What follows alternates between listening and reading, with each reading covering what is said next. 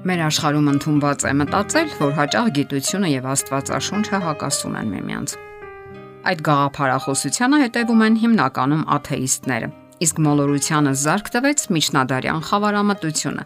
երբ հոգեվորականությունը հալածում էր եւ անգամ մահվան դատապարտում առաջադեմ գիտնականներին։ Հետագայում, երբ գիտությունը զարգացավ, շատերն այն կարծիքին էին, որ ահա շուտով գիտությունը ընդհանրապես դուրս կմղի Աստվածաշունչը եւ հոգեվոր մտածողությունը, կամ էլ իրենց լեզվով ամբողջականացնելով, ասենք, կրոնը։ Սակայն դա էլ տեղի չունեցավ եւ Աստվածաշունչը շարունակում է իր հաղթարշավը։ Այսօր էլ նա շարունակում է զարմացնել մարդկությանը եւ սրտեր նվաճել։ Եվ այսօր արդեն շատերն են ընդունում, որ նա երբեք չի հակասել գիտությանը այնտեղ բարփակված ճշմարտությունները բխում են Աստծուց եւ հետեւաբար երբեք չեն կարող հակասել գիտությանը։ Իսկ ահա տիեզերքն այսօր ապացուցում է Աստվածաշնչի ճշմարտացիությունը։ Աստվածաշնչում կարդում ենք. Միթե չգիտեք, միթե չլսեցիք, միթե ձեզ չհայտարարվեց հենց սկզբից, միթե բան չեք հասկացել երկրի հիմնադրությունից։ Նա է, որ բազմած է երկրի կամարից վերև եւ դրա բնակիչները նման են մորեխների։ Նա է, որ տարածում է երկինքը վարագույրի պես եւ այն բացել է վրանի նման այստեղ բնակվելու համար։ Այստեղ մենք տեսնում ենք ապացույցն այն բանի, որ երկիրը շրջանաձև է։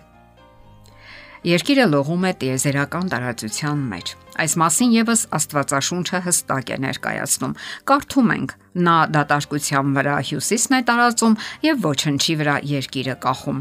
Ջրերը ամպերի մեջ է ծրարում եւ ամպերը դրանց տակ չեն պատրվում։ Այստեղ բանաստեղծական ձևով ներկայացվում է այն փաստը, որ երկիրը ոչ մի բանի Այստեղ բանաստեղծական ձևով ներկայացվում է այն փաստը, որ երկիրը ոչ մի բանով չի պահվում։ Իսկ ինչպես կարող էին իմանալ այդ մասին հնում։ Դա պարզապես աներևակայելի է։ Եվ այսօր տիեզերքից արված լուսանկարները ցույց են տալիս, որ երկիրը լողում է տիեզերական տարածության մեջ։ Երկրագունդը տարածիորեն կախված է օթում առանց որևէ հենարանի, իսկ Աստվածաշունչը հստակ հայտարարում է այդ մասին։ Ինչ կարելի ասել աստղերի քանակի մասին։ Աստվածաշունչն այս մասին հստակ հայտարարություններ է անում եւ ասում, որ դրանք պարզապես անհնար է հաշվել։ Կարդում ենք. Եվ դու ասել ես, թե անպատճառ քեզ բարիք կանեմ եւ քո սերունդը ծովի ավազի չափ կանեմ, որ շատությունից չի հաշվվի։ Հնարավոր արդյոք հաշվել ծովի ավազը։ Իհարկե ոչ։ Այս համեմատությունները ցույց են տալիս, որ անհնար է հաշվել թե աստղերի քանակը եւ թե ավազի քանակը։ Ուշագրավ է, որ գիտնականները փորձել են հաշվել եւ աստղերի եւ ավազի քանակը եւ ողջվել է, որ դրանք արտահայտվում են միանման մեծությամբ. 1022 կամ 10 միլիարդ տրիլիոն։ Սակայն նախկինում մարդիկ չէին կարծում, որ անհնար է հաշվել աստղերի քանակը։ Մեր թվարկության 150-ական թվականներին աստղագետ Կլավդիուս Պտղոմեոսը փորձել է հաշվարկել եւ իր ցանկի մեջ ներառել 1022 աստղ Նրանցից հետո շատ աստղագետներ այն կարծիքին էին, որ հենց այդքան աստղել գոյություն ունի երկնքում, սակայն այսօր արդեն հզոր աստղադիտակները հնարավորություն են տալիս թափանցելու տիեզերական հսկա տարածությունների խորխորատները։ Նրանք ուսումնասիրում են տիեզերական տարածությունները եւ նկատում այնպիսի աստղեր, որոնք առանց օպտիկական սարքավորումների պարզապես անհնար է նկատել։ Գիտնականները հաշվել են, որ միայն մեր գալակտիկան պարունակում է ավելի քան 100 միլիարդ աստղ։ Աստղագետների կարծիքով տեսանելի տիեզերքում գոյություն ունի անհամեմատ ավելի շատ գալակտիկա, քան աստղեր մեր գալակտիկայում։ Իսկ այդ գալակտիկաներից յուրաքանչյուրը պարունակում է 100 միլիոնից մինչև միլիարդավոր աստղեր։ Ահա թե ինչու վստահաբար կարող ենք ասել, որ ժամանակակից գիտությունը որոշակիորեն հաստատում է Աստվածաշնչի գոյությունը կամ ճշմարտացիությունը։ Ինչի մասին են խոսում ֆիզիկայի եւ քիմիայի օրենքները։ Նրանք խոսում են հստակ օրենքների մասին, որոնց շնորհիվ կառավարվում է տիեզերքը եւ մեր երկիր մոլորակը։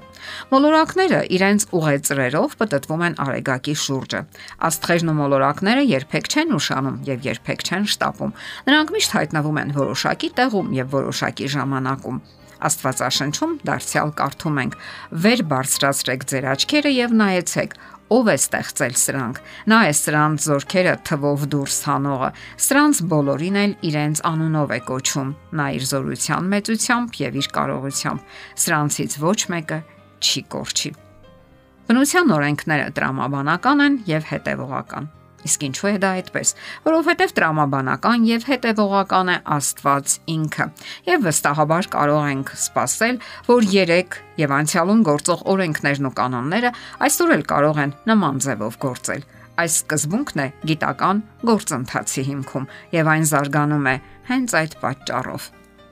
Դե ինչ, կարող ենք վստահել Աստվածաշնչին։ Այս հարցը իսկապես շատերին է հուզում անկասկած կարող ենք, որովհետև ժամանակակից գիտությունը չի հակասում Աստվածաշնչին եւ նրա ճշնամին չէ։ Ընթակառակը, նրանց միջև սերտ կապ ու բարեկամություն կա։ Գիտությունը կարողացավ ապացուցել շատ բաներ այն բանից, ինչ գրված է Աստվածաշնչում եւ աստղերի եւ մոլորակների եւ երկնքի մասին։ Ահա թե ինչու մեր տագնապալի աշխարհի խռովահույզ ժամանակներում խիստ կարևոր է ունենալ այնպիսի վստահելի եւ հուսալի ուղեցույց, ինչպիսին է Աստվածաշունչը, որովհետեւ այն ճշմարիտ է եւ երբեք հուսախապ չի անում։ Եթերում է ղողանջ հավերժության հաղորդաշարը։ Հարցերի եւ առաջարկությունների համար զանգահարել 033 87 87 87 հեռախոսահամարով։